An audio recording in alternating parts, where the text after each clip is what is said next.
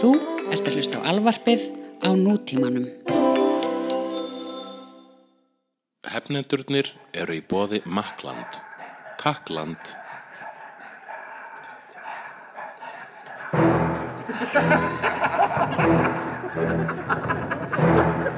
Ég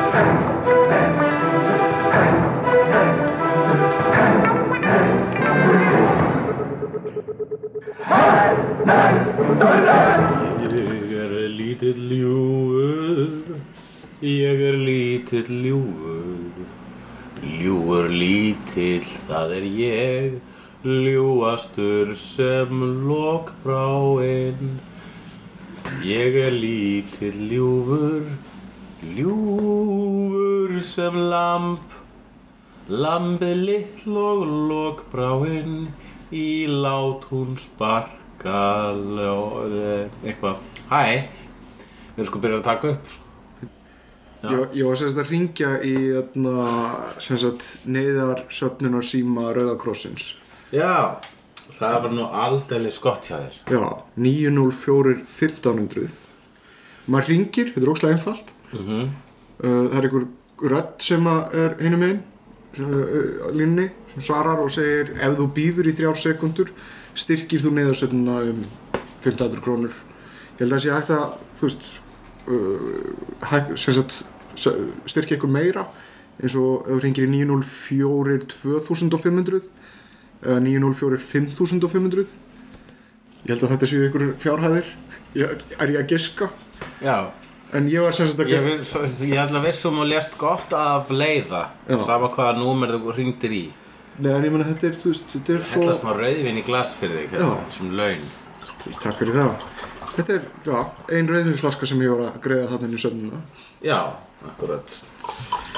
Nefna hvað, hérna, já, sem sagt, hræðilegu jarðskjálti reið þarna yfir uh, Ég held að ég hafi séð síðustu tölu 10.000 manns og það svo tala fyrir hækkandi. Já, uh, Það sem að gerist er það allt fyrir fokk og í Kathmandu þá fyrir hitin upp í einhverjar fáralegar uh, tölur sko. Þannig að við erum að tala um að það er alls konar sjúkdómar og drasl eftir að grasserast þarna á uh, ef að það er ekki brúðust við og komið matvælum, lyfjum og neyðaraðstöðarna sem fyrst þá geti þessi tala hríðhækkað tífaldast eða jafnvel orðið herri sko. Þannig já, ég mæli með því ég bara hafa upp á rauða krossinum og á, á, á internetinu og leggja sitt á mörgum með að gera, láta gott sér leiða. Já, ég stið það eindreið. já, Allavega, fyrir ekki ég, ég er lítill ljúfur, ég er lítill ljúfur. Nú er búið að koma að mikilvægu málefni og nú getum við fara að búlsita. Ok, bæði þarf ekki næst að banna þessu íslenska fjallgöngu fólki að fara til Nepal eða, eða ha, bannaði, hvað? bæði skiptin sem við fara þarna að reyna að klífa Já. það koma einhverjar hörmungar yfir og, og, og Veitu, hvernig var að Saga Gallas, hvar var hún aftur? saga Garðars Já, hún var ekkert um upp okkur fjalli. Já, hún var þarna rétt áður en að snjóflóðu Það var ekki þá? Já, Já. akkurat.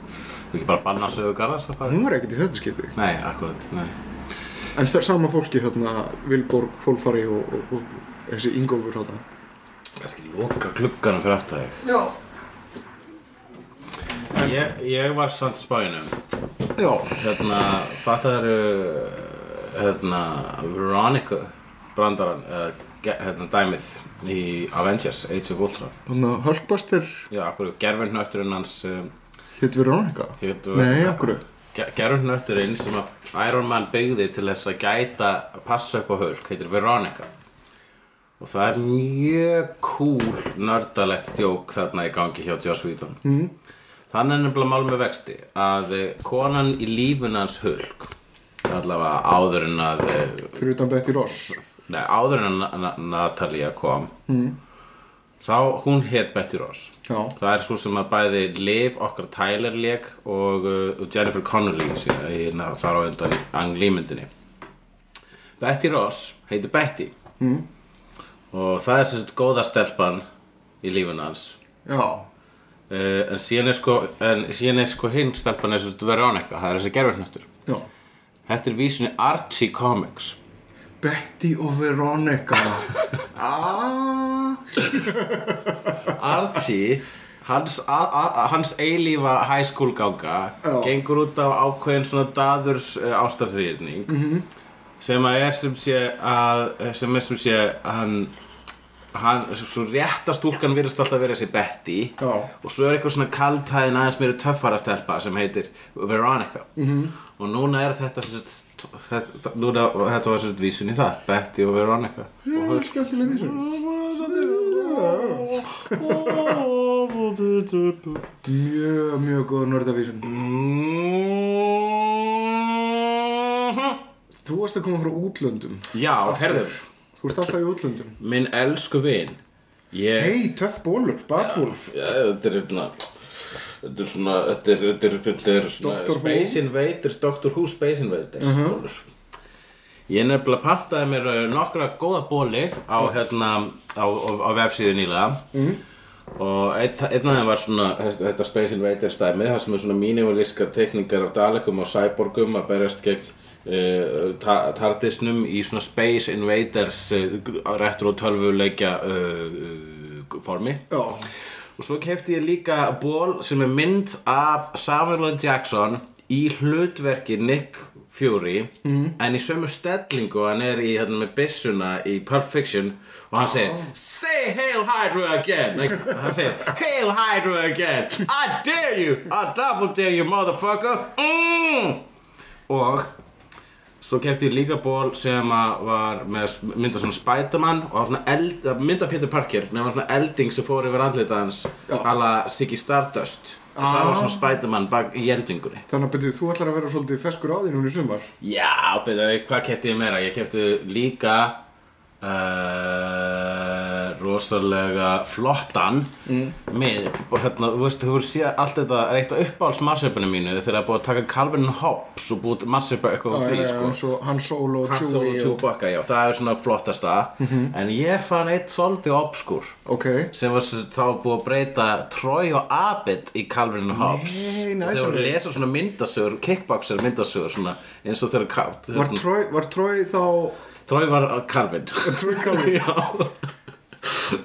já, Áhugavert. Ég er reyndar, sko þess að ég er að skoða hennan ból þá stendur High Score Batwolf Score 11.23 1963 sem er vantarlega fyrsta útsending. Já, já.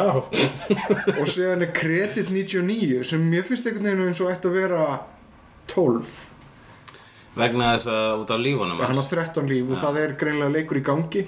Já, ég alltaf ekki það er satt ekki búið að hitta neitt á þetta sko. Mhm. Já, þetta er voðalega skemmtilega visual uh, viðfangsefni hérna fyrir þannig útfarstátt Já, nema hvað, ég var í Norri já, og já, og ég hitti nokkra myndasögu höfunda. Og uh, eitt er að hétt E- Eirik A. Vík.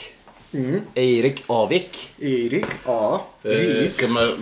Eiríkur á Vík. Já, Eiríkur á Vík. Og hann teiknar svona hérna, grínmyndasögur oftast með svona það eru svona svona dónalegar og skemmtilegar. Já, ég sé það á coverinu hérna þá er, þá er nafnið hans svona í svartri, svartri, svartri kúlu. svartri bólu yfir kynfærum aðalpersonuna sem hleypur nakin eitthvað þarna, ég, ég er búin að klukka eilítið í þessu, mér skilst að fjallar um uh, gaur sem fyrir að nekta nýlundustönd þessi tiltekna myndasögur sem þú ert að fletta í. However, ég hérna, heiti hann og ásand öðrum myndasögumöndum á bar eitt svona stóískur uh, hérna, gaur sem var eldri en hinnir sem var svona útgefandi stóískur útgefandi. Uh, ein svona stelpa sem var svona stelpa.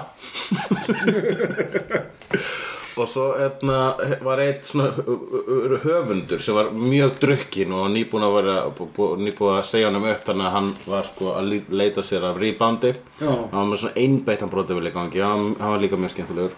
Og svo var þessi Eirík og hann sagði mér það að hann hefði sko var kosin með hérna, no, kreatívaskasta Já, Tinder-reikning Norex ok, is that a thing? That is truly a thing. Og uh, það hérna það sem að sem sé hann gerði var það að hann breytti Tinder-reikningunum sínum í myndasögu og það var þá væntalega sex ramma myndasögu þú mátt hafa bara sex myndir í mestalagi á Tinder Ah, og það byrja bara á því að þú fer á Tinder-reikningin og finnur hann þá kemur svona þá fyrsta myndin er hann hérna eitthvað að leika sér að, svona allsbyrri. Svo teik, hann teiknar sér á sig að leika sér að allsbyrri barbídokku og er eitthvað svona að Ó, tala fyrir hann og svona, du er "Åh, så Erik, dejlig. Åh, Erik, hej." du er så, du er så dejlig eitthvað svona er, og hann bara, ó, hei, velkomin um, og svo á maður að svæpa já, og þá er sko hérna bara öll uh, allur reikningurinn er hann að tala við þann sem lenda á því og hann hérna, tekur fram að hann er með svona hérna, elskar kísur og hann er með fullt af kostum eins og til dæmis ís og hnje og bók Og og rass. og halló halló. Já, það er svona broskall sem vísar í áttina klófuna hann já við skulum bara setja við setjum þetta á Facebooki vegna þess að þetta er ekkert sérstaklega gott útvarp en hérna Já, það var skemmtilegt. Það var allavega aðteglisvært að það er gaman þegar myndasöguhundur nota nú myndasögu formið til þess að vera uh, út fyrir, fyrir blaðsíðunar. Já, veistu það, ég var á, á þeim tíma sem ég var á Tinder, ég man ekki eftir að sé neina svona kreatífa nótkun á, á Tinder. Ég sá einu svona stelpur sem var með sko, það var bara ein mynd mm. hún var með eitthvað svona gamalmennagrímu. Já, Já. Og ég lagði hana og ég fekk match. og það var bara eitthvað svona útlensk stelpa sem var í heimsóknu í Íslandi. já, En ég, það, það gekk aldrei neitt lengra en það sko. já, gaman menn að gríma. Já, en ég vissum að hún var sæt bak við þess að gaf með henni grímu Sástu Það aldrei? Nei, það var eitthvað sem sagði mér að hún var sæt En ég gerði ekki neitt í því Maður vill stundum með, þetta er bara svo, svo Tinder-dæmi maður, ha? Já. Gerð, notaðir þú þetta eitthvað? Já, ég er samt, uh, þótt að ég matchaði við ykkur þá, þá gekk ég aldrei eftir því. Nei Það bara var, já, ég var samt, ég, ég var eiginlega farin að nota Tinder eiginlega meira svona fyrir people watching. Já, það hljómar ekkert krífi Það er grími. Sitjandi á klósetinu. People watching Mm, Áhugavert fólk. Það hljómar sko ekki bara krífi Það hljómar líka eins og þú sért ekki mennskur Ég reyndar, ég reyndar sko, ég fór til uh, Svíþjóðar og uh, lendi semst á flugullinum í Noregi á leiðinni og startaði Tinder þar, bara opnaði til þess að tjekka því Já, og þar fann ég einhverju mannesku sem að var sem sagt, það var bara ein mynd. Uh, það var hún. Það var svona á að giska 11 ára sonur hennar svona svolítið gangstærilega klættur og hún stóð svona með sígarettu út á götu. Já Þannig að hún var með svona gangster 11 ára strák Já, Og hún var reykið sigurðu Þetta var svona frekar svona white trashy sko. Já, hún var svolítið ekkert að fela það samt. Nei, nei, flaggaði því, Já, það. white trash power. Já. Við erum hefnendunir uh, Hérna, getur þú sagt mér Kæri elsku Ævar? Já, Einnig þekktur sem Ævor Man sem, mm. þykir, sem er sko vísun í Iron Man. Eða fyrir þá sem við vissum það ekki Ég sjálfur er, er, er kallar í svona góðu gamni hérna í þessum þætti Hulkleikur sem að, jú alla glöggir hlustendur ættu átt að sjá því að það er vísun í engan annan heldur en Hulk sjálfan. Og hvað eiga þessir tveir menn sameiginlegt? Jú, þeir eru báðir skáls, skálsagna personur og ekki til í alvörinu en þeir eru líka í sama liði e, þekkt sem Avengers eða á íslensku eins og uh, ónefndur þýðandi þýtti það í uh, Siglufjara prentsmiðu blöðunum líklega svo sami og ítti á prent í var bara einn maður að starfa þar. Uh, hann kallaði þetta hefnendurna og þaðan fáum við titilinn á þættinum okkar. Þetta vissum nú ekki allir. Ha? já. Er það? Ég, ég hafði bara ekki gert mig grein fyrir þessu. Já, ég held að þetta væri bara eitthvað svona sem þú kallaði mig. Já, ég held að, það, held að þetta var bara eitthvað svona random bull. Ég ætla að kalla þig Ævor man og þú bara, hm, það er skrítið, ég ætla aldrei að spá í því. Já, hérna, hvað er að gerast? Hvað er að gerast? Hvað er að gerast? Er, hérna, þú varst með hvað er að gerast? Jú, það eru Jokerinn var að gerast. Já, við sko, hann er ekkert var að gerast en búin að vera við erum bara vikulega Gefið okkur sjens, krakkar. Stundum eru fréttirnar alveg viku gamlar Stundum einnar og hálfrar viku gamlar Vegna þess að við tökum upp þátt Þáttin á einu tíumponti Og síðan leið ykkur dagar og fullt gerist í millitíðinni En við nefnst að pósta þættinum Þrátt fyrir að hefnendurnir sem tala í þeim þætti Vita ekki mikilvægi fréttirnar sem gerist kannski daginn áður. Og það er bara þannig sem tíminn virkar Ok, ok, við erum hindi konum með eitthvað, þetta er 60. þátturinn. Já, Þannig að ég held að þeir hlustundur sem er búin að fylgjast með séu alveg búin að fatta þetta sjálfu sko. Hvað, En hvað, fattu hvað? Það sem þú varst að segja rétt á hann Já, það. En hérna En Já, ég, manstu þegar ég sagði það? Jókerinn Jókerinn. Já, Jared Leto þarna eitt ykkur smá Mhm. tíma að- uh, revíla Suicide Squad Jókerinn Nú, það er svona Jóker sem er með tattoo. Hann er svona alveg bara e, Sko, hann er mjög Það maður verður hann að segja Þetta er alveg svona Jared Leto legt Vegna þess að hann er í svona emo-hljónsveit Já, já, já. Og þetta er alveg svona emo-legt Ég hugsaði Juggalo Joker. Jökul, æ, við skulum ekki alveg ganga Þetta er ekki alveg það sko. Það er enda sko, uh, hann er með þarna damaged á enninu. Já, það finnst mér ógeðslega glada uh, Hann er samt skilur mjög flottur munnurinn á honum Mjög flott svolítið svona crazy aukrað á honum uh, Ég er forvitin að sjá hann í action og heyra Joker röddina Er þeir byrjað að taka sér mynd? uh, Já, já, já, já. Ok, þannig að þetta, þetta útlit er stimplað Það er bara komið. Já. En Það getur þess að það verði eitthvað meira þegar hann er komin í föt og svona, hann er bara að bera ofan að sína til tattooing. Ok, það er alveg sko, þetta er sko, við skil alveg á, af hverju þetta er gert, ég meina þú verður að gera eitthvað an, öð, allt öðruvís heldur Heath Ledger. Já, og það er orðið nokkuð ljóst að Jared Leto, maður bara hafði nú engar sko, maður hugsaði það nú bara sko, þú veist, uh, það skipti einhver máli hver myndi leika Jokerinn næst, sérstaklega í Suicide Squad mynd sem er ekki jafn mikið svona kanon, íkon, dæmi og Batman.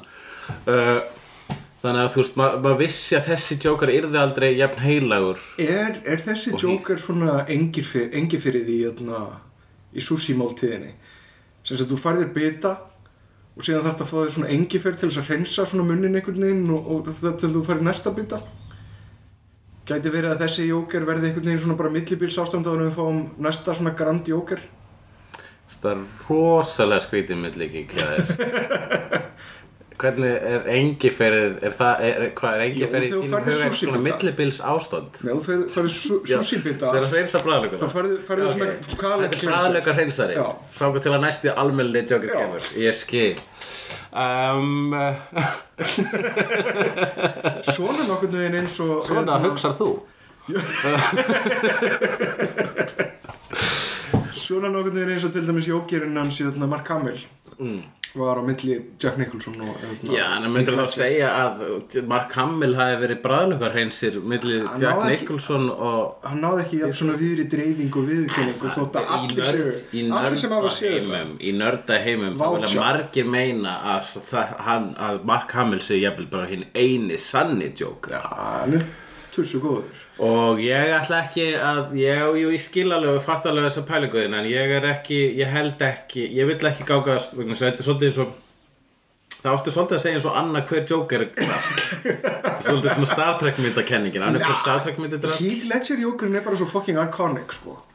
Já, um, bæði vei, að hvað finnst þér um Star Trek Into Darkness? uh, ágætt. Það er ágætt bara mjög, mjög fín. Bara s- góð þessarmynd En það voru margir Star, ykkur Star Trek nördar sko uh, kusu hana verstu Star Trek myndina. Í alvegni Ég held að sko Er þið búin að sjá hann að kvalamyndina? hey, Það er besta myndin. Don't get me started. Star Trek 4, fjögur, Já, The Journey Home eða hvað sem hann heitir. Já, þarna- Hvað heitir hún? Ég verð ekki að, ef ég ætla að verja sem upp á Star Trek myndin mínu verð, ég veit ekki hvað heitir Hún heitir The Voyage Home. Já.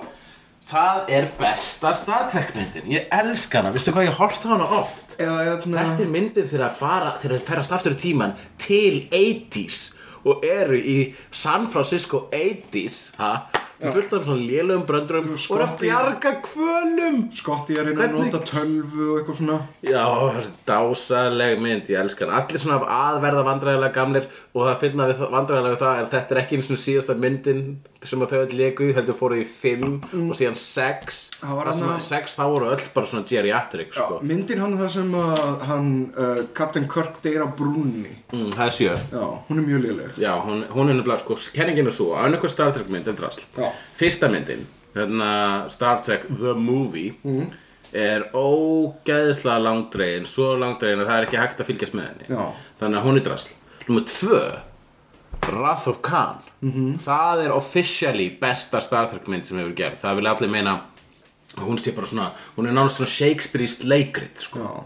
svo kemur þrjú, The Search for Spock og hún var bara ógisla forgettable Mm. svo kemur fjögur svona stuðmyndin þar sem við fara til, fara til 80 San Francisco og bjargar kvölum og lenda í svona að vera svona romantísk gama mynd og svona hérna, comedy of errors þau öll eitthvað svona að reyna að vera í nútímanum eða 80s þar að segja. Gæti verið að þetta, þú veist, ég tengi með Ok, sem að segja myndin.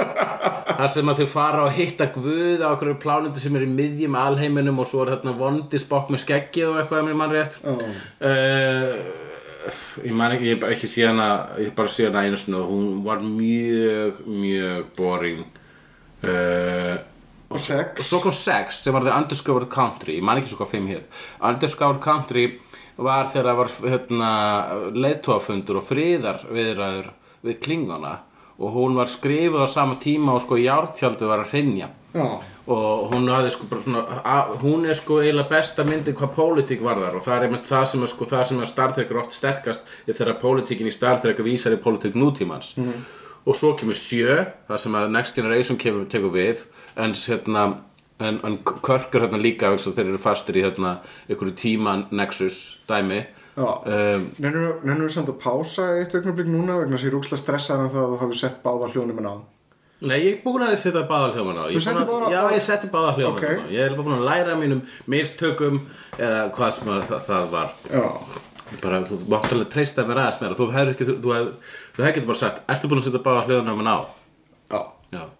Já, Ertu, búin, að, ertu búin að setja á? já, ég er búin að setja báða hljóðunum á Þetta er mjög erfið, er setning til að segja. Ertu búin að setja báða hljóðunum á? Hljóma ekki það þrý Bara segð, segðu hana Ertu búin að setja báða hljónum en á? Lífið Allavega Star Trek Generations Já. Hún uh, var vonbriði vegna þess að hérna þar dó Kirk á mjög svona leim döðdaga og uh, þetta var líka svona einhvern veginn ekki alveg besta kynning á, hérna, á Next Generation liðinu í kvikmyndaheimin mm -hmm. Síðan kemur Star Trek númer 8 Nemesis sem, nei ekki Nemesis. Hvað var það? Star Trek 8 er First Contact. Og hún er awesome. Þegar Borg þegar berast, það er tímafyrirlarsmynd líka. Þeir eru alltaf að ferast í tíman og þá fara Next Generation, generation krakkarnir á, þann, á eitthvað svona 2018, 2025 eitthvað svona snemma á þessar öld á þeim tíma það sem að sko jörðin er smá svona í post-apocalyptic dæmi eftir sko þriði heimstyrjöldina og er þá loksins að fara að fatta að það að hérna er einn eitthvað svona uh, uh, geimfari sem að aukvita sko hérna, warp driveið Já. og þau fara aftur í tíman að hjálpa honum að starta því svo að það verði first contact svo að jarðarbúar kynistu vulkunum en á meðan eru sko generation krakkarnir að berast við borga þetta er awesome mynd svo kemur þessi Genesis eða Nemesis, Nemesis. sem ég sá aldrei en ég hef heyrt að sé ekki góð Já, þannig að samkvæmt þessu þá er, þá er hérna þá er alltaf þá er þetta bara svona, svona hver. sem sanna sig að önnur hver mynd sökkar og síðan kom hérna nýja Star Trek myndin sem er hérna sem að Þór deyr í byrjuninni og, mm. og, og, og Hulk er vondikallinn já. Það var bara að fatta þetta núna. Og hérna uh, Allavega Erik Bana Hulk er sérst vondikallinn Og Sú mynd, hvað myndir þú segja um hana?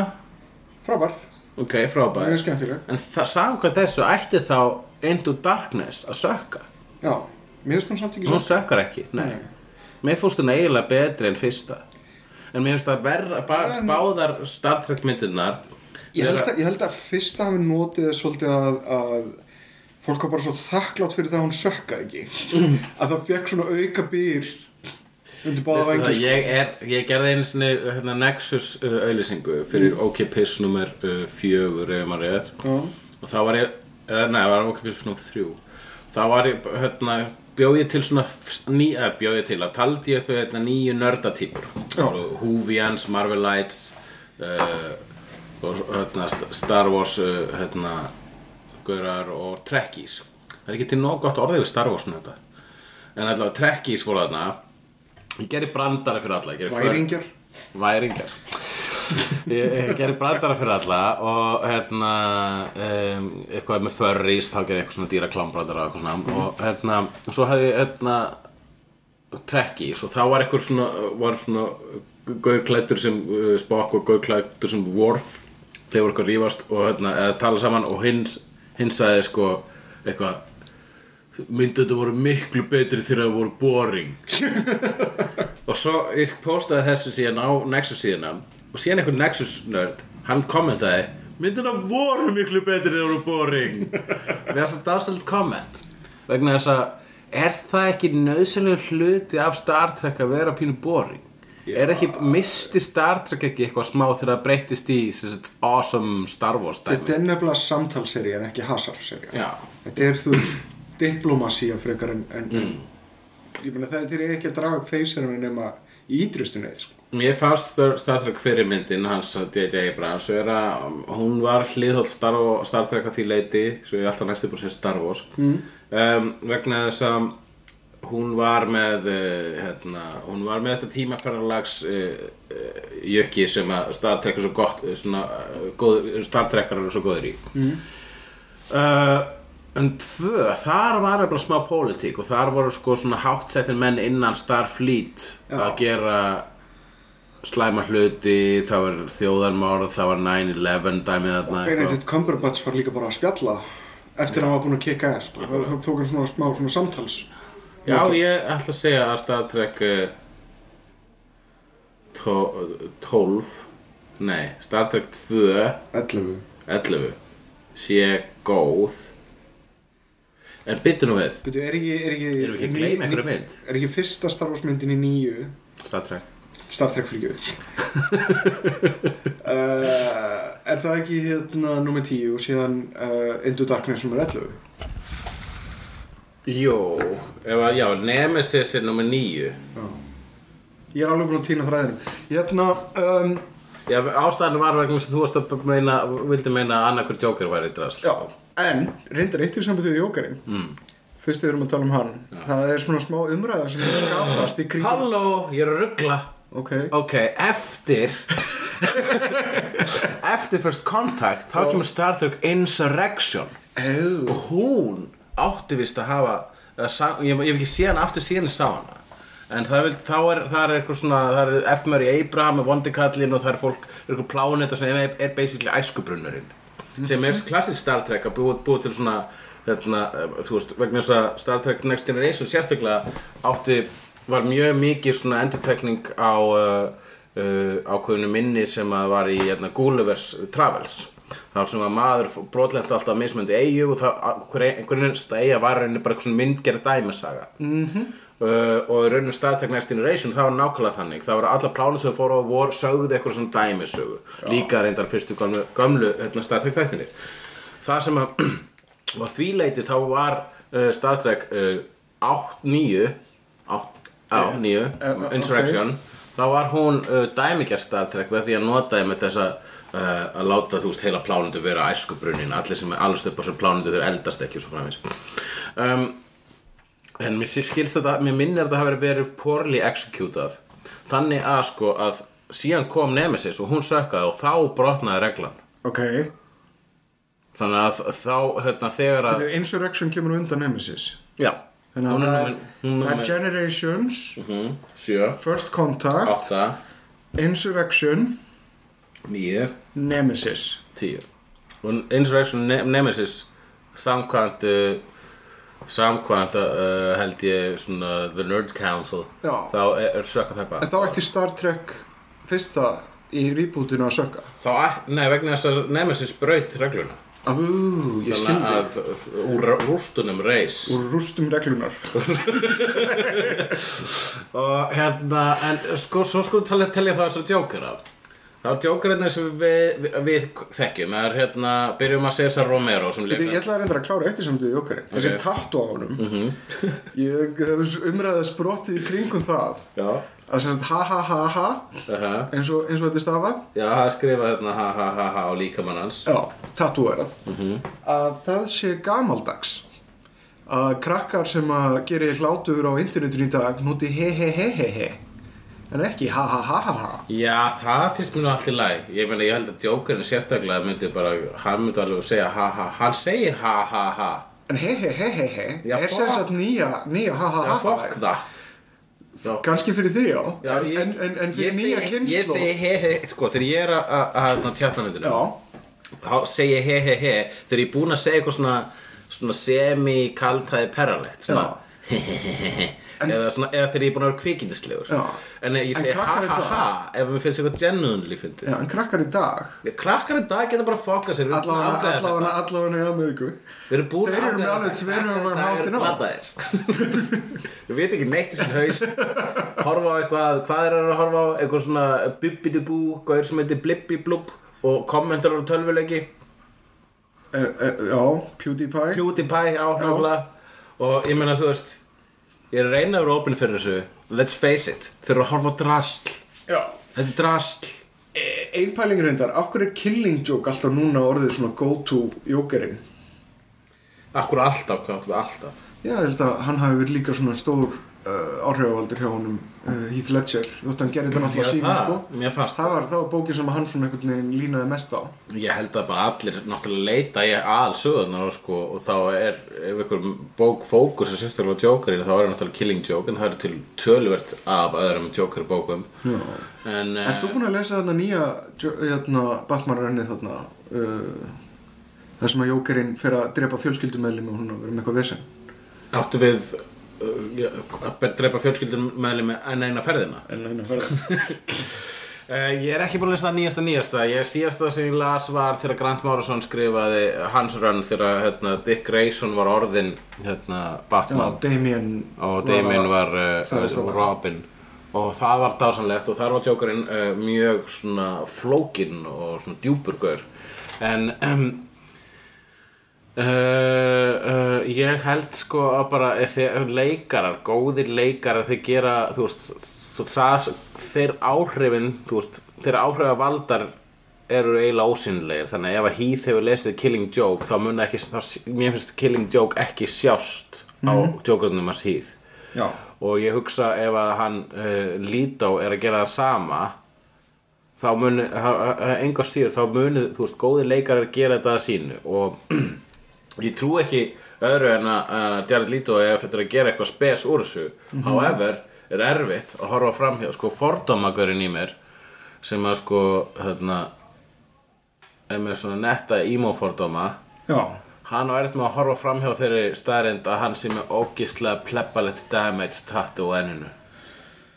Já, ég reyndar sko Ég meina, hver, hver, þú veist, það, ef að djókerinn er eitthvað ekki, þá er það tilgeralegur. Vegna þess að hann er, Hann er, hann er samt þannig fyrst gaman að vera fancy og svona blinga sig upp skil. já, en hann er, Hann er ekki, hann er ekki maður sem felur sig eða hann er kaldhæðin. En ég meina, er þetta ekki bara svona ákveðið bara fatasmekkur, það er ekkit tilgerlegt við hans fatasmekk. Hann er bara, að þú veist, ekkit í, í, í þessum ofurötu heimi, þá meikar þetta alveg sens. Mér finnst samt alveg passa einmitt að hann fái sér tattoo og, og, og svona skrautskrift í sko. Já, ég get ekki séð hann bara setjast niður og segja ég ætla að fá hérna, þú veist, ég myndi að jókinn komin á tattostofu Já. og segir bara, ég vil að þú skrifir damaged í þessari hérna letugerð á ennum með litlu D, var það með stóra D kannski og eitthvað hérna þú veist, það, það, hvernig er hægt að byggja um þetta tattoo á ennið á sér og vera ekki, kom ekki út þessu eitthvað dús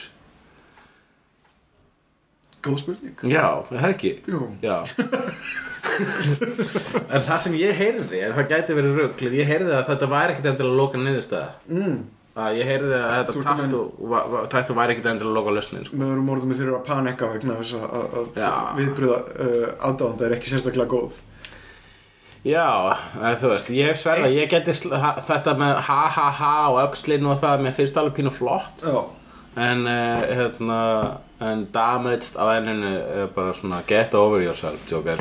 Eitt reyndar uh, í þessu samhengi sko, það er hvernig Warner Bros. er að vinna úr DC propertyum uh, öfugtu til dæmis sem sagt Marvel.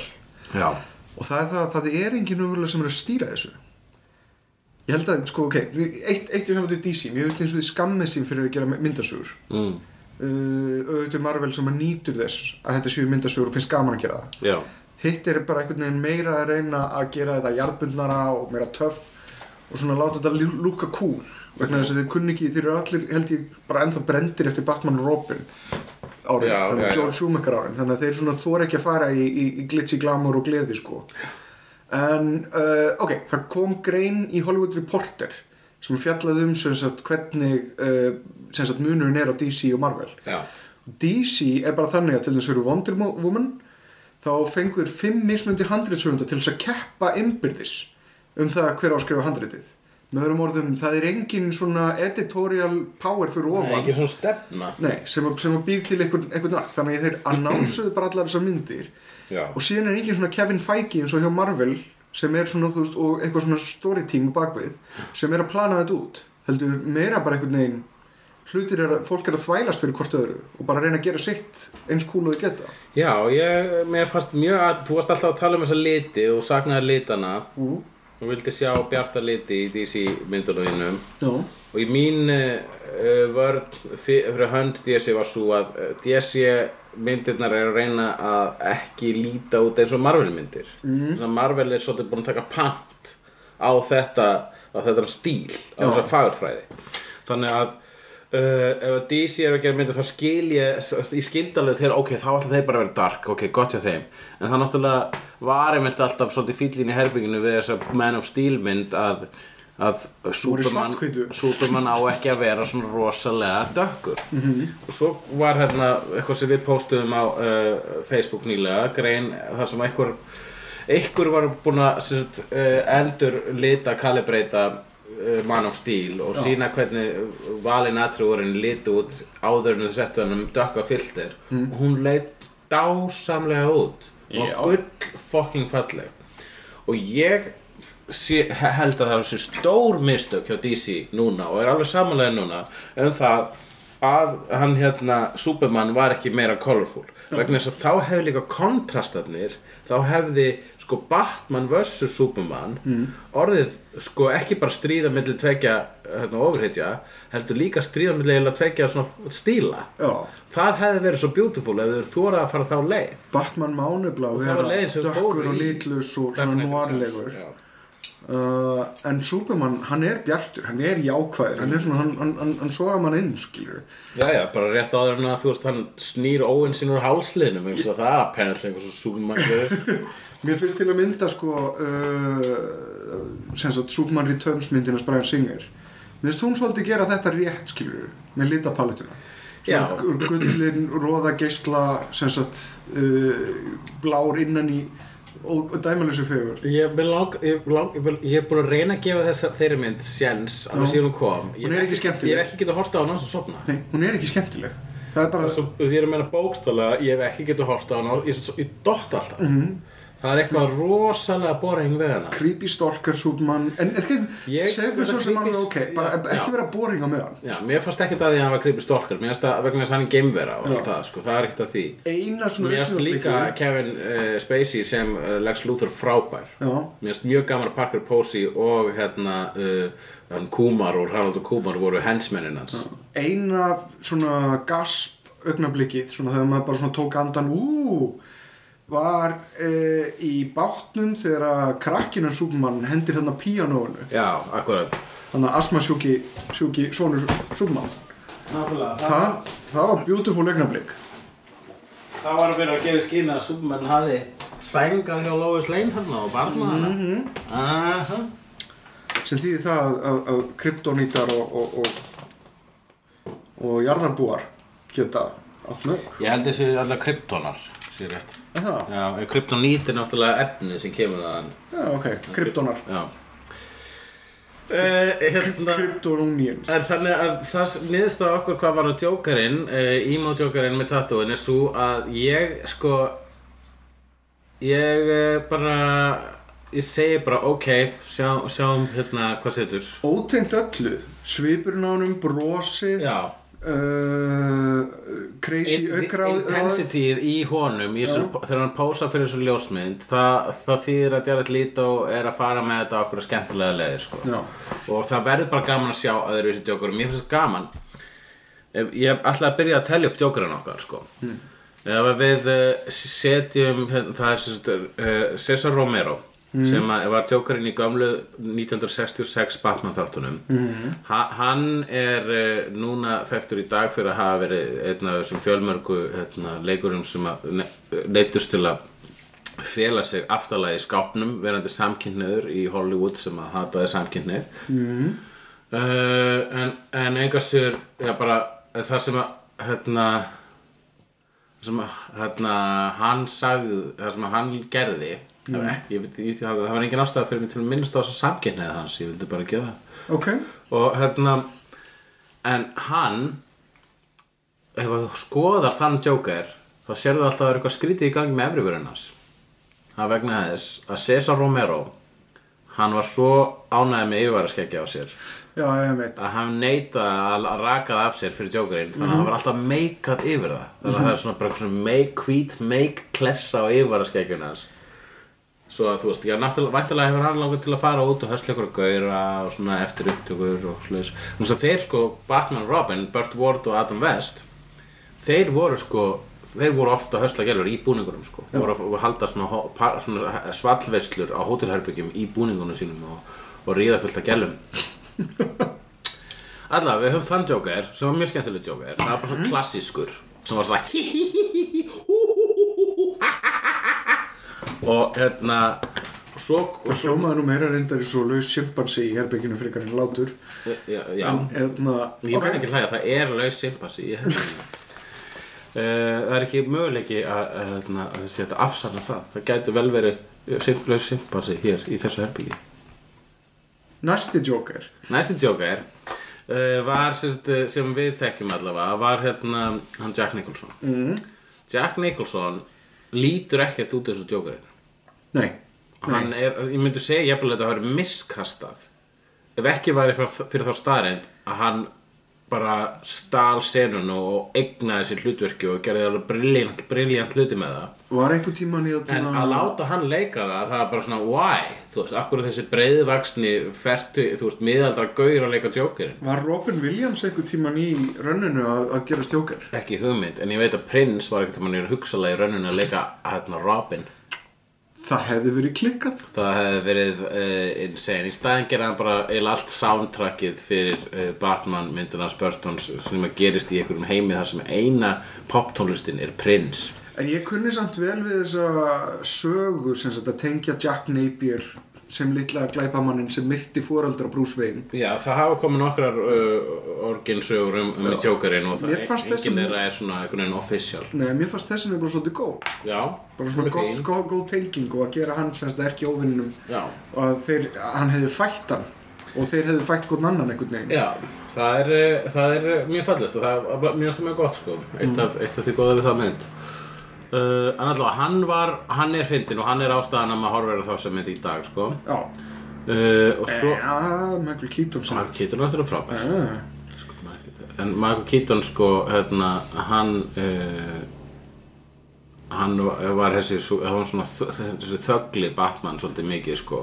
Ég nefnilega sko fór að hugsa það bara nú um daginn þar sem ég voru að horfa á uh, Birdman. Að ég hérna Michael Keaton hefði verið fullkomin Joker Michael Keaton hefði verið fullkomin jóker, það er rétt hjá þér. Það, hef, það hefði verið Hann þitt var fullkomna fullkomin casting. jóker, Já. hann var það bara í Beetlejuice. Svo er meira að segja meðskilur Beetlejuice er bara hann að leika tjókarinn Nákvæmlega. Ég hef aldrei spáðið því. Hann er með augabrúnar, hann er með brosið. geð- Michael Keaton hefði verið hinn fullkonni Joker. Fyndið og, eftir, hann var líka nýbúin að leikstýra honum í Beetlejuice að Tim Burton hafi ekki hugsað hei, og síðan liða mörg ár og, hérna, og svo fáum við hýð. Já, þannig að við erum með þessa þrjá hérna við erum reynda með þarna uh, Já, Mark Hamill, Mark Hamill. Kemur á milli. Mark Hamill í Batman Animated teikningu- teiknumyndunum og, og síðan hafa komið fullt í mildtíðinu hafa komið fullt af öðrum animated þáttum með, með Jokarnum en engin, er hann svolítið konservatífur jóker, sko. Stílur heitin og eitthvað svona. Jú, en það líka vegna þess að útlýslega er Batman animated þættirnir, 90s þættirnir eru útlýslega mjög konservativ þeir eru ekki bara það, þeir eru retro. Já, þannig að það meikar alveg sens að það er ákveðin minimalismi í, í stílnum þar. Lítur allt út eins og eitthvað 1930s dæmi. Eh, Gotham er bara eitthvað 1930s borg með eh, svona já, þetta er svona næstu steampunk sko. og, eh, og, og bara Mark Hamill Ég mæli með að fólk tjekki á Fatman on Batman podcastunars Kevin Smith, hann tekur tvo þætti í það að tala við eh, Mark Hamill. Já. og það er dásalegt spjall vegna þess að kemur í ljós að Mark Hamill er bara eitthvað svona frábær gaur. Hann, alla, hann hefur verið nörd alla sinna æfi -hmm. þannig að þú veist þegar hérna, það fyrir honum að vera að tala fyrir Jokerinn var miklu stærra mál heldur en leik og Luke Skywalker. Já, það var bara, já, Jokerinn, ég er búin að, hann var búin að lesa allt sko. og var síðan sko, var að lýsa því hvernig þegar að fara í hérna, áherna pröfunar og hann dætti ekki huga með dagsli fá hlutverkja, mjög svona hömbul gaur. Mm. en hann, einmitt, sko, það sem hann gerði var það að hann notaði sko, hann reyndi ekki að finna neitt einn hlátur fyrir Jokerinn, heldur reyndi að láta þessum að sko hlátur Jokerins væri hans hljóðfæri. Það var svona eins og jazzesti hann væri sko að að spila allar nóturnar á hláturinu sínum. Þannig að hann var alls að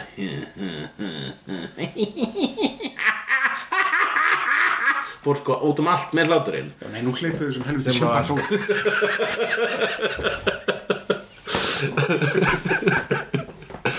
og þannig að sko að bera þess að og svo fáum við Heath Ledger sem er bara svona sem er bara fár, mindblowing sko vegna þess að sko mér finnst Heath Ledger sem vondikallinn í hérna þessari í myndin Dark Knight.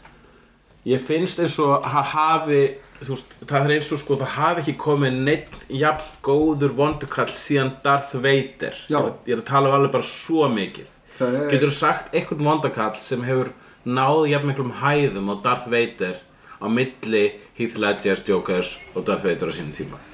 Ég held að það sé bara eitt að sorglegast í heimi að hann hafi dáið frá þessu hlutverki og, og ekki, ekki, þú veist hugsalega Hans Gruber. Já, Hans Gruber er þarna Darth nær Vader, næstu Hans Gruber og The, the Joker. Einu sinni áratug. Kemur vondugall svo íkonískur. Já, en það var uh, hérna, já, það, var daslegur þannig að, að bera þessa Jokera saman er óreittlátt og hvort er þetta 90s og já, það er ég, ég var að reyna að hugsa þetta, fatta þetta áratuga dæmi mitt, mega ekki sens. En Uh, en þannig að sko við verðum bara að býða að sjá hvort að þetta muni make eitthvað sense með Þetta Jared Agent. Smith. Eitt, nei, hann er ekki aðna uppi með, með djókunum og, og hann er mjög svona, hann er sko, Agent Smith líka sko sörgaðist af því að hérna, þegar hann varð miljón Agent Smiths í hérna, Agent, uh, Matrix Reloaded. Já, og varð eitthvað neginn svona, hann útþyndist Mr. Anderson. Eitt reyndar Jókerinn í hérna, uh, Birds of Prey það var, hann var voiceaður af Mark Hamill. Ég held að hann Þetta hafi- breið þáttunum? Já, ég held að hann hafi byrst í einhverju svona sem sagt, einhverju skugga Já. skuggamynd sko. Mark Hamill voiceaði líka hérna uh, í Arkham hann Já, a- hann, Le- tölvuleikjunum. já, tölvuleikjunum sko, Já. sem var dásilegt og það er mjög flott þegar hann syngur hérna, hann syngur eitthvað lag Já, sem ég man ekki hvað er ef við sko spila í lók þess að þáttar ok uh, En já, Jared Leto hefur þarna risastór stíguvel að stígi mm -hmm. sem að getur verið svolítið erfitt er- er þung og stór spór Já, en það sem að ég e, það, e, sko, ég fíla að hann er uh, svona þetta intensity, ég fíla það við erum bara að tala um eina ljósmynd sem er byrst á Já, eina pósaða ljósmynd En, Ég uh, kunni samt að meta fjólubláa hérna, gummihanskan já, já, hann er svona, ég skal bara, ég ætla að gefa hann séns. Ég, þ- hann fær pluss fyrir það að vera að reyna, þeir að reyna eitthvað annað, þeir að fara í aðra áttir, þeir þeir ekki, að ekki að vera safe. Já. Það er plussin við þetta. -hmm. Hvað er meira gerast? Er, ertu ekki með neitt? Ég er ekki með neitt. Uh, já, Jú, þú ert varlega með eitthvað hérna. Já, það, bara, það, það er ekkert svona markvert sem ég tekið eftir. Það er vegna þess að allar fréttir eru einhvern veginn uppstíplaðar af, sem sagt, af Avengers fréttum. Mm Já, þannig að það er bara endalust fyrir að tala um það Jú, uh, hérna Avengers, við getum alveg hlakka til að sjá Avengers DFD útgáfuna eða Blu-ray útgáfuna. Vegna þess að uppalega köttið hans var eitthvað þrýr og hálfu tími. Og mun hann hafa direktorskott Ég held að Joss Vítið var að móti því. Ég held að það verði allan á fullt af aukaefni af góðar senur sem okay. voru kliftar út. Já, það meika sens vegna þess að það var, það, var svo risastór saga þarna í Age of Ultron að það voru alveg, að nokkur sinnum tók eftir því að það var búið að skipa yfir atriði sko. Já Annars voru sýstur okkar í hérna, Englarík að uh, linka hérna á Mjög svona skemmtilegan sketch úr Saturday Night Live Saturday Night Live sketsin sem er uh, mjög aðtiklisvert og skemmtilegt grína því hvernig Marvel er að, að draga lappirnu með því að gera stelpumynd mm. og það er uh, á, gott skot og gott að Scarlett Johansson skildi, taka þátt í því mm.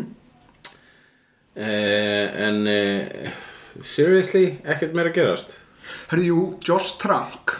Já, Gæinn sem að leikstýri Chronicle og er að leikstýra nýju Fantastic Four myndinni. Mm. Hann var svona skringilega Það vantaði hann á hérna, uh, þegar Star Wars myndinu voru kynntar. Þá var sem sagt, það vantaði Josh Trank þegar voru að kynna hérna hliðamyndinar uh, Fyrsta var hérna Star Wars Rogue byrju, já vegna að hann átti að legstir eitthvað að þessu. Hann á að leikstýra einnum hliðamyndunum Já, hvað hliðamynd? Númer tvö. Já, um hvað?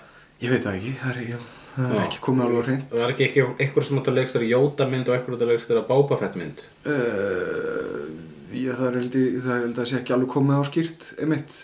Jæja, Sko fyrsta myndin sem á að vera, þetta heitir Star Wars Anthologies og fyrsta fjalla heitir Rogue og fjallar um það sem þið stela eðna, uh, mynd, sem sagt tekningunum á döðastjörnunni já, akkurat, það finnst mér svolítið cool og ég er að fíla það sem spennandi sögur og það er hann Gareth þarna gæinn sem að gerði uh, The. Godzilla og Monsters Já.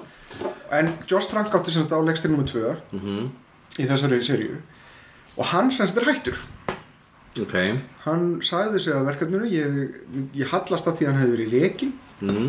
þótt hann hafi sjálfur tilkynnt þetta og það var bara allt í gó, góðum feeling þannig séð á yfirborðinu. Okay. uh, ég mig grunar að sé vegna þess að Fantastic Four sé, er í trouble er bara, það er eitthvað trouble í gangi sko, við þá mynd. Það?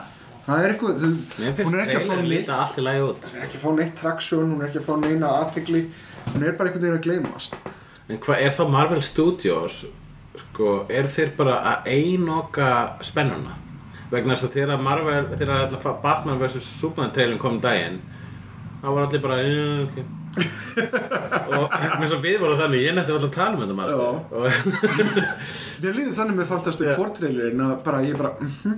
Já, en ég, ég, ég er spenntari fyrir Fantastic Four heldur en ég var alltaf þegar ég sá hana síðast trailer bara ok, skulum sjá hvað þetta gerir. Já, en það er kannski það er kannski bara vegna þess að Marvel Studios er búin að negla sko þessa frásagnar hefð að allt hitt verður einhvern veginn bara já, þetta er fínt, þetta verður ekki af gott Marvel Studios. Það, sko, ok, Fantastic Four er reyndar líka svolítið brett að þessum hinur tveimum myndum uh, sem að voru bara alveg ævintýralega leðilegar Já, en þú veist, Daredevil var brent af Daredevil og, og, og það var bara, það Já. hvílíkur Phoenix sem reisur bara þeirra öxl Þannig að við getum ekkert annað en beðið og séð hvort að þessi mynd standi undir væntingum.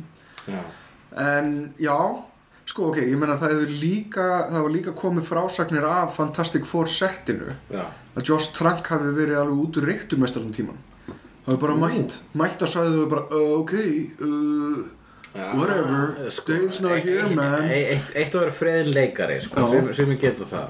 En að vera friðin leikstjóri, I don't know man. Mm, þannig að það er það, er það sem að það eru þær fréttir sem að koma á Josh Trank hafi bara verið tranked all the time. Vá, hvers konar leiði það til að taka fyrstu skrefin sín í Hollywood? Já, ég veit ekki, menn hann gerir Chronicles sem mér stóksla góð. Já, já, hann og fín. bara svona er power í einu og fjör uh, og lofar góðu upp á framhaldið sko Já. og síðan er bara kannski eins og hann hafi byrjað að reyna að gera Fantastic Four og það hafi verið bara ekki eitthvað sem hann sem sagt var hamingisvæm með Ok, uh, hvað, er eitthvað meira gerast? Nei, apparently ekki uh, uh, Þetta þykir, já, allavega við, hérna, eru þá með málefni dagsins? Ef við ekki fara bara í málefnum dagsins Málefni dagsins. Nei, ertu með ertu með því hérna hvað er að gerast? Eða nei, hérna málefnum dagsins Ertu með eitthvað? Þú- Varst þú, þú ekki með málefni dagsins? Já, sko, málefnum dagsins, Jókerinn Nei, við vorum að tala um jógurinn Já, Áðan. já ég, ég var enda með Jókerinn fyrir málefnum dagsins Já, en það var ekki, hérna, hvað er að gerast? Já, ég, þú, þú, þú talaði kannski samt meira um Star Trek heldur en Jókerinn Ég held að jógurinn alveg fikk ég mikið svona space og, og Star Trek. Þó að, þó að Star Trek er, er náttúrulega að fá mjög mikið space vegna þess að hérna, gerist í space. The final frontier. Og, og, og, og, og, og svo kannski ætti ég líka að minnast á það að hefnendurnir er vísun í Avengers. En uh, ef við bara sæðu hversu sporskur ég er á svip akkurat núna. Þá, þá erum við ekki með neitt málefnum dagsins Nei, ok, við erum við sóðum öllum málum dagsins í hvað er að gerast. Hérna, En hérna, á hvað er að glápa? Á hvað ertu að glápa? Við erum að fara að glápa á. Ó, Við erum að fara, erum að fara saman á Alien? Nei, við erum að fara að glápa á Þess að Alien er á eftir. Ah, Nei, þetta er, þetta er sínt á þetta er já, á það. En við erum að fara að glápa á þriðjudaginn með jarðabúum ah, á myndina Samurai Cop Sem að við vitum ekkert um. Ég hef aldrei séð þessa mynd. Ekki held Ég veit ekkert um hann annað en einhver svona stuttutrailer og það sem þú hefur sýnt mér. Ég sýti þér á trailer, ég hort á hann einu sinni sjálfur. Og ég, ég, ég hlakka sjúklega mikið til að sjá þessa mynd.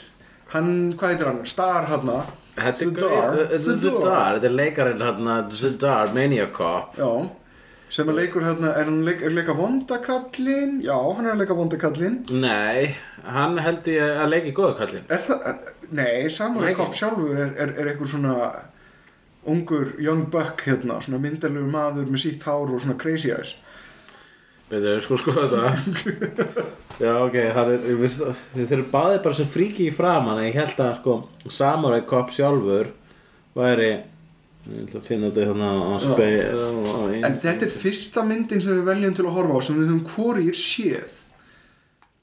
Og þannig að við ætlum að upplifa þá, þá sem sagt mögnuðu stemningu og, og, og tilfinningu að sjá þessa mynd á sama tíma og jarðabúa Sko uh, Og hvað ætlar að segja okkur um Maniac Cop? Nei, hérna fyrir ekki, uh, Samurai Cop Sko Ég er að reyna, sko, það, hann er top build Er það ekki bara vegna þess að hann er eini frægjamaðurinn í hóknum? hann, Eða svona næstu hann Robert Zdar. Hann er top build þarna Internet Movie Database. Og svo er ykkur Matt Hannon sem að uh, leikur í uh, fyrir að fokking sko þetta er vandrar hvað við veitum ekkert hvað erum að fara í sko. Já, en ég held að það sé bara það sem er spennandi við það er, þetta. jú, jú, það er vissulega hérna. Samurai Cop á Wikipedia ætla að finna þetta sko Samurai Cop, Wikipedia Samurai Cop is a 1991 action thriller directed and written by Amir Shervan starring Robert Zdar sem að lést nýlega og þessuna er, það er eina ástæðan við erum að spila hana við erum að actually að uh, minnast leikara sem við könnumst rosalega lítið við sjálfur Uh, the film was never released theatrically and since attained cult appeal. A sequel is to be released in 2015. Já, ég held að, sko, vegna þess að það stendur hérna þetta sé lauruglumadur sem er þjálfaður í uh, barndagalistum sem er beðin um að aðstóða laurugluna við að berjast í Yakuza-gengi Mm Já, ok. og Robert Zdar leikur þarna gaur sem heitir Yamashita Sem vondikallinn. sem er væntalega vondikallin Já, ég var að googla sko. Robert Starr lítur bara út eins og vondikall Já, hann er, hann er með, hann er með þessa sérstöku högur sína. Já, En málið keyra er að sko leikarinn sem leikur sko hérna góðagörinn, hann er ekkert minna fríki í útliti sko. Nei, að þetta er svona tveir svona, svona undarleg frík sem er að berast við hvort annað í saman Þetta er þetta cirka það sem ég veit um þessa mynd pluss það að aðaleikarin uh, held að hann veri búinn í tökum og klifti hára á þessu stutt Já, þannig að þið þurftu að setja hann hárkollu á einhverjum tíðanbúti fyrir, fyrir þegar þið voru að klára þetta myndina. er ekkit ósýpaði sem kom fyrir Vincent Chase í, uh, ef ég mann rétt, 50 þáttaröð af Entourage. Þá var hann búinn að leika í mynd eftir hérna gaurinn sem að leikstyrði hann uh, Notebook. Mm. uh, hvað heitir hann? hann heitir eitthvað svona Karadín eða eitthvað alveg Ok, Byrju. Allar bara að googla út í gegnum þáttin Nikolas, veitum hvað heitir hann hérna uh, Nick Cassavetes. Á Cassavetes. Hans John Cassavetes. Nókulega Hann, hérna, sem sé, hann var að leika eitthvað svona action, svona sci-fi thriller eftir Nick Cassavetes og svo kliftur á sig hárið og svo var hann líka að leika, eh, ok, ég man ekkert hvernig þetta var í þessum þáttum. Allavega, ég hlakka til að sjá Andrúars myndina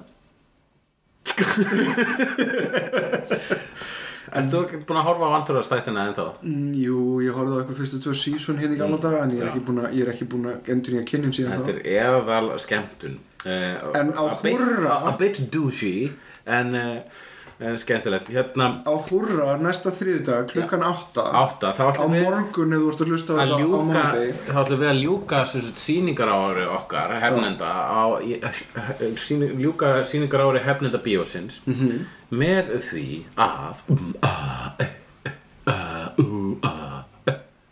veistu hvað er ég að herma eftir núna?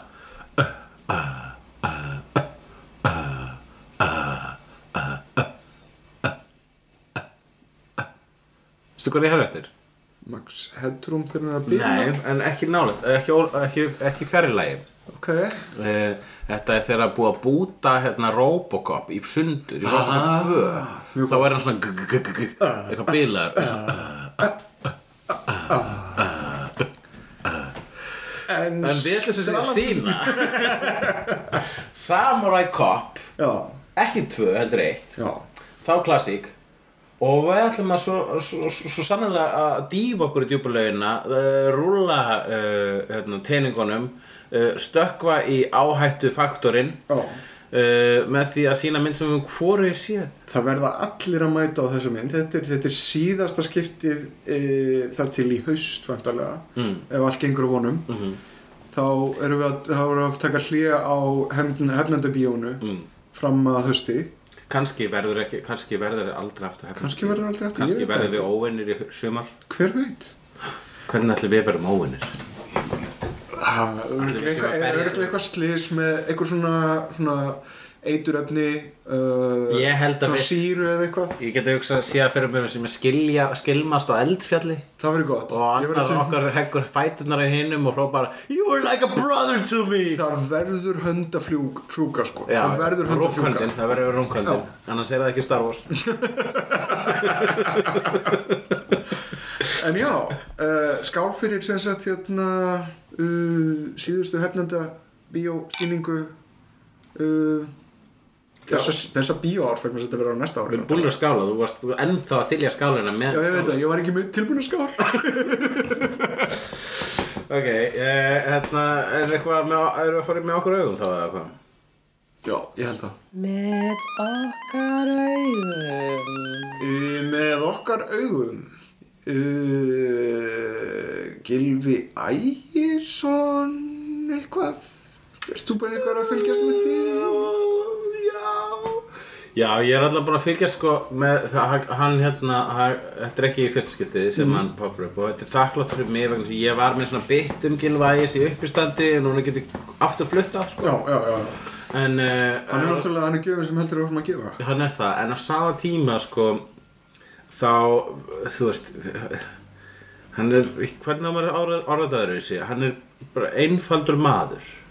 Hann er, mjög, hann er einfeldningur. Já Hann er að búin að sko- ákveða sig að svolítið. vei, sko, þú getur ekki útskýrt fyrir honum að samkynneigð er ekki það og apparently er það ekki hægt útskýra fyrir honum Nei. að samkynneigð er ekki á Það var saman margir reynt það sko. Hann heyrir, heyrir bara það leiðindinn og, og, og, og vill ekki hlusta á rökin hann heldur þessi samsæri og, og hann býr í sínum einn heimi. Þannig að þegar við erum að sko að apeshita yfir hann Já, þá erum við apeshita yfir gaur sem að ég held að hugsalega viti bara ekki betur. Mhm. Hann er, þetta er svona skrimsli sem er svona What is love? What is, what is love? En síðan náttúrulega poppar upp hann Leonsi í samingi við þetta Já, og- hvað, ég er ekki búin að fylgja svona mikið Sko, ok, hann, Jóngnar skrifaði þarna grein Já, sem að kallaði þetta eitthvað bjánapopp og Já. eitthvað svona, já og þar dró hann saman sem sagt Leon C sem að er náttúrulega styðja Gilva Ægis í einhverju svona klikki Ég er nefnilega einmitt á sama, sko. Bara Leon C, hún er á hugsalega við geðsjúkdómastríða. Síðan er Hallbjörn Hjartarsson Já, sem, Sem að að- er uh, hérna uh, Níðingur. skemmtur barnanýðingur já, það er eitthvað hræðilega Eh, sögur meintur, meintur, meintur. hann gerði eitt klúður endar og hann, hann, hann, hann nefnir það sjálfur á Facebook síðuna sinni hann, hann myndist á Gunnar Jökul í þessu samingi sem að gerði þarna hamfarir bíllinn minn og, og allt þetta sko.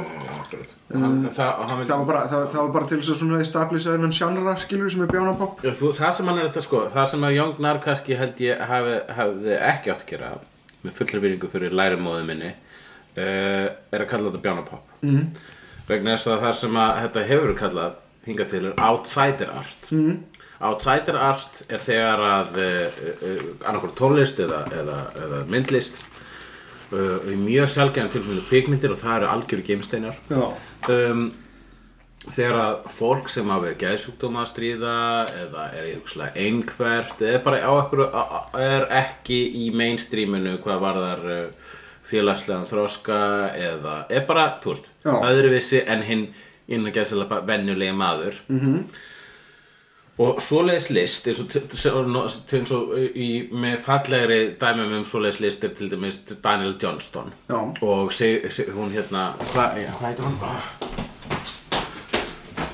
Hérna, hún, hún hérna bam. Ekki Bama gera heldur hún hérna am, hún Amma Lo-Fi.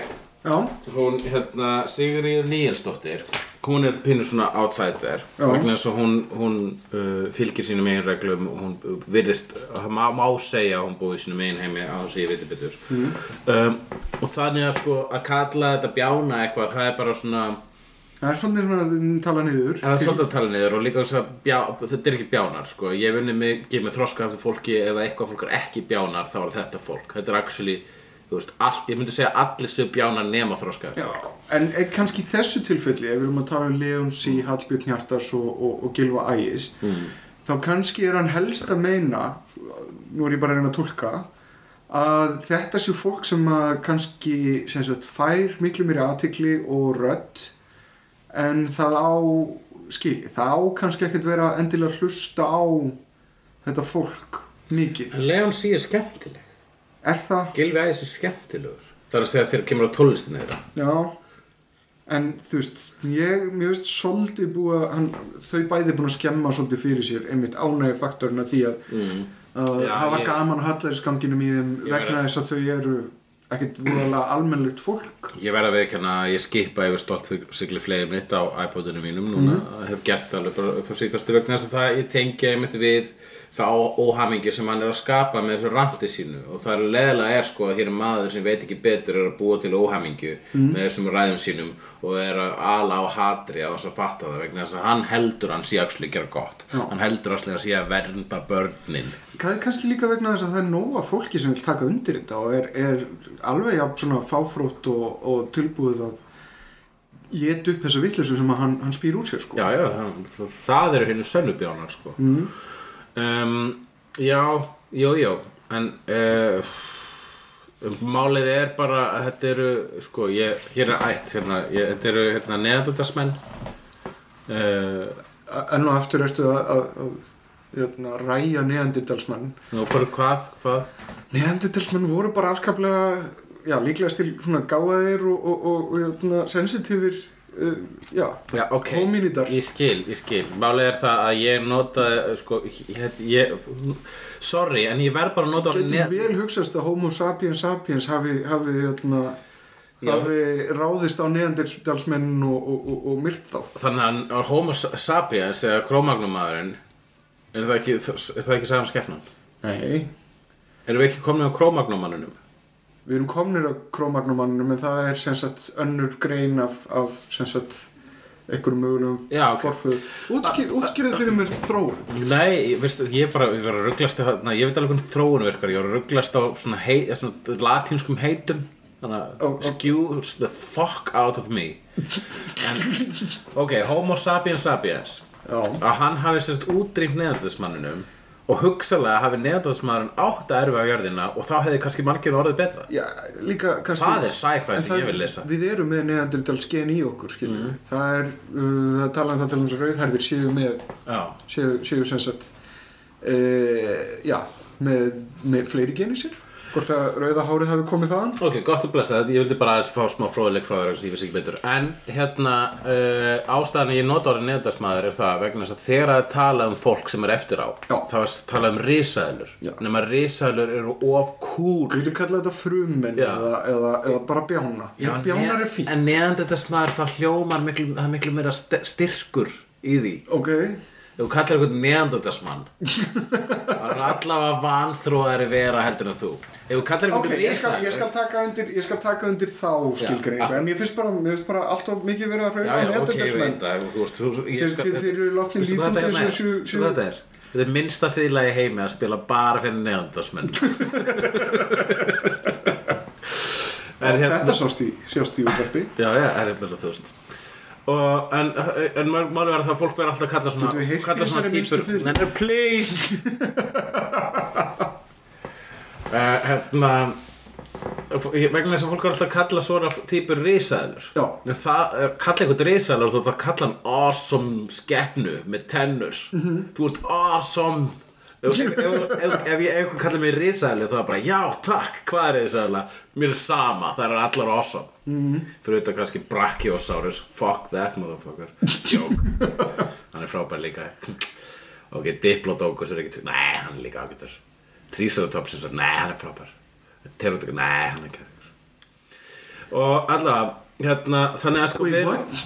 Þannig að sko neðandættismenn eru hérna Þetta er fólk sem er uh, ok, það er rosalega kondisending að kalla það minna þróaðin við en getum við ekki bara leift því að væla og væla og tuða þangað til að deyr? Það mun hvort þið er ekkert vera mikið eftir svoleiðis fólk, þú veist, það er ekki eins og þau munu fjölga sér eitthvað ráði. Já. Um, Hæ? Jú, jú. Nei, þetta fólk er alveg að fjölga sér sko. Já, átt við kannski, stefnum við kannski í svona idiokrasi þar sem að hérna, í- eftir 500 ár þá verður bara svona ekkert nema afkomendu Gilva Ægis og Leonsi. Nei, vegna þess að Ó, þú það er geðveik ímynd. Nei, þetta er alveg, þetta fólk er alveg með nokkurn veginn sama uh, sem, sem æxlunafæri og við, Bara sama- sama- við, við cool fólki með sama líkama á meðaltali og, og, og, og meðalgreind manneskja. Þetta dottir svo mikið nazisma nema hvað, hérna, það er, það er attitútu, það er, það er uh, hugmyndafræðin sem er að Það að segja, sko, hugmyndafræðin þeirra mun ekki lifa. Já, það er það sem að þarf að deyja það er það sem ekki- að þarf að þroskast og, og, og eiginlega kannski bara taka upp meiri samkend með öðru fólki. Ná, fucking quote. Þannig að þegar að svona fólk er að eipa gogg þá er er svo ég dásætt bet- að kalla þetta svona fólk. Já, já, eða, eða, fyrir ekki, þetta fólk. Þegar það er eipa gogg þá held ég sér miklu betri taktík að ekki eipa á móti að ekki fara að vera eitthvað svona hvað er, þú veist, að, að brjálast yfir því vegna þess að þau eru bara svo vittlaus Já, að freka bara að leifa þeim eipa gogg og segja við þeim, me- meira vera svona æj, æj, auðmikið þú að vita ekki betur. Ég vona einn daginn þá læruru ég, ég nefnilega spyr mig til dæmis á hverju er verið að uh, þetta er, þetta er, er hluti til ákveðin rítskóin sem er að stinga upp á. En að- verið að hleypa þessu inn í fjölmiðla og vera að ræða þetta svona uh, sem sagt óþarlega mikið þetta, er- þetta er clickbaiting skilur kallast gúrkutíð líka. Já, en þetta er, þú veist, það er nóg að gera á Íslandi í dag, það er verið að, þú veist, gefa frá okkur meiri kvóta og, og, og, og svona uh, taka út hérna, skatta á, á frek fyrirtæki og hitt og þetta skilur sem að, það er fullt annað að gerast sem við getum alveg einbeitt okkur líka sko. en það eigðar rosalega miklum tíma í það að hlusta þetta fólk og gefa þessu svona mikið vægi maður sér ekki rosalega marga greinar um counterpunktana frá fólki Nei. sem að er, að, er, er, er að mótmála þessu þetta er bara Gilvi Ægis sagði eitthvað heimskulegt við ætlum að fá nógu mikið að klikki til þess að geta selt auðlýsingum Nákvæmlega og líka það, þú veist, það er ekki eins og að sé með eitthvað svaka her á, með sér, sko, þetta er bara eitthvað örfá hræður. Já. Þannig að ég held að stafingin hætti af þessu ef eitthvað þá er bara Gilvi A.S. á þess að hann fatti það, hann er að auglýsa heimsku líka og, og beina aðtiklun að heimsku mannkins og þar að leiðandi erum við bara, hei, hann er heimska mannkins, við skulum ekki vera svona heimsk. En mér líka einmitt forveitinlegt sko að e, það eru þau sem eru að ímynda sér það allra versta. Já, Með öðrum orðum það talað um sem sagt, fræðslum samkynneið í grunnskólum. Mm Þau sem fara að fara beint í rassann, sko. Fræðsla um samkynneið í grunnskólum, þetta er frasin, that's it, skilur það fyrsta sem þau hugsa er raskat. Það er ekki, það er ekki- búið að útfæra þetta, það er ekki búið að- velja efnið, það er ekki búið að tala rækilega um það hvað er gert, heldur bara svona almenn fræðsla um samkynnið í grunnskólum sem að er eitthvað sem þörfur á vegna þess að það eru rosalega mikið af samkynniðum krökkum sem fæðast samkynniðir sem að bara eiga voðalega erfitt uppdráttar uh, í fordómafullu samfélagi og upplifa sér sem öðruvísi. Og eru, það er dreigið úr þeim, það er, er, er hæðst að þeim og þetta verður bara frekar hræðilegt allt saman. Þannig að frekar einmitt það uppljóstar að því grunnskóla krökkum að það sé til fólk sem að er af sem sagt, sama kyni sem elskar hvort annað Já. án þess að sé verið að fara út í ykkur smáatriði.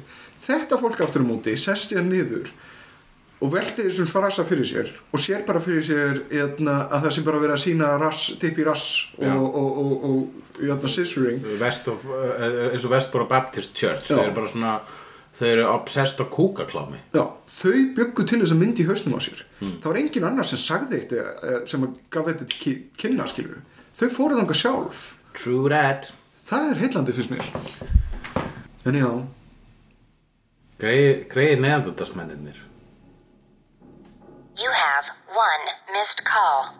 Call received three hours ago. Only you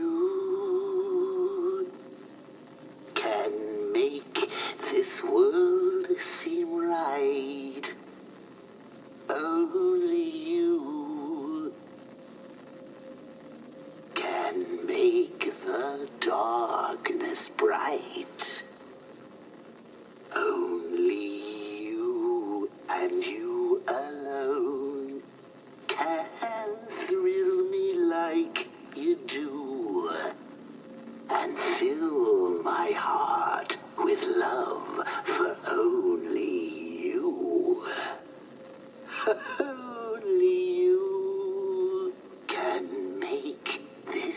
Change in me.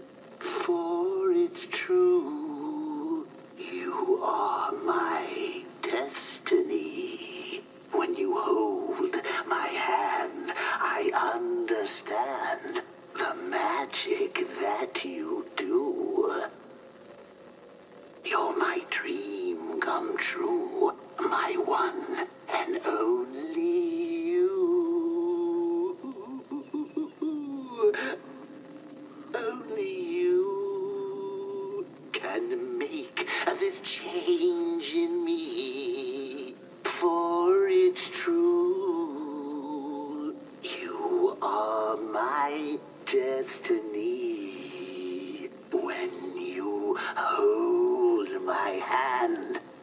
understand the magic that you do.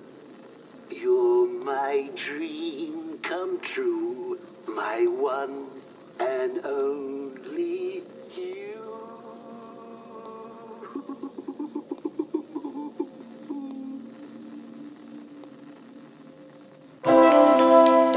Þú finnur fleiri skemmtilega alvarpstætti á nútímin.is. Takk fyrir að hlusta.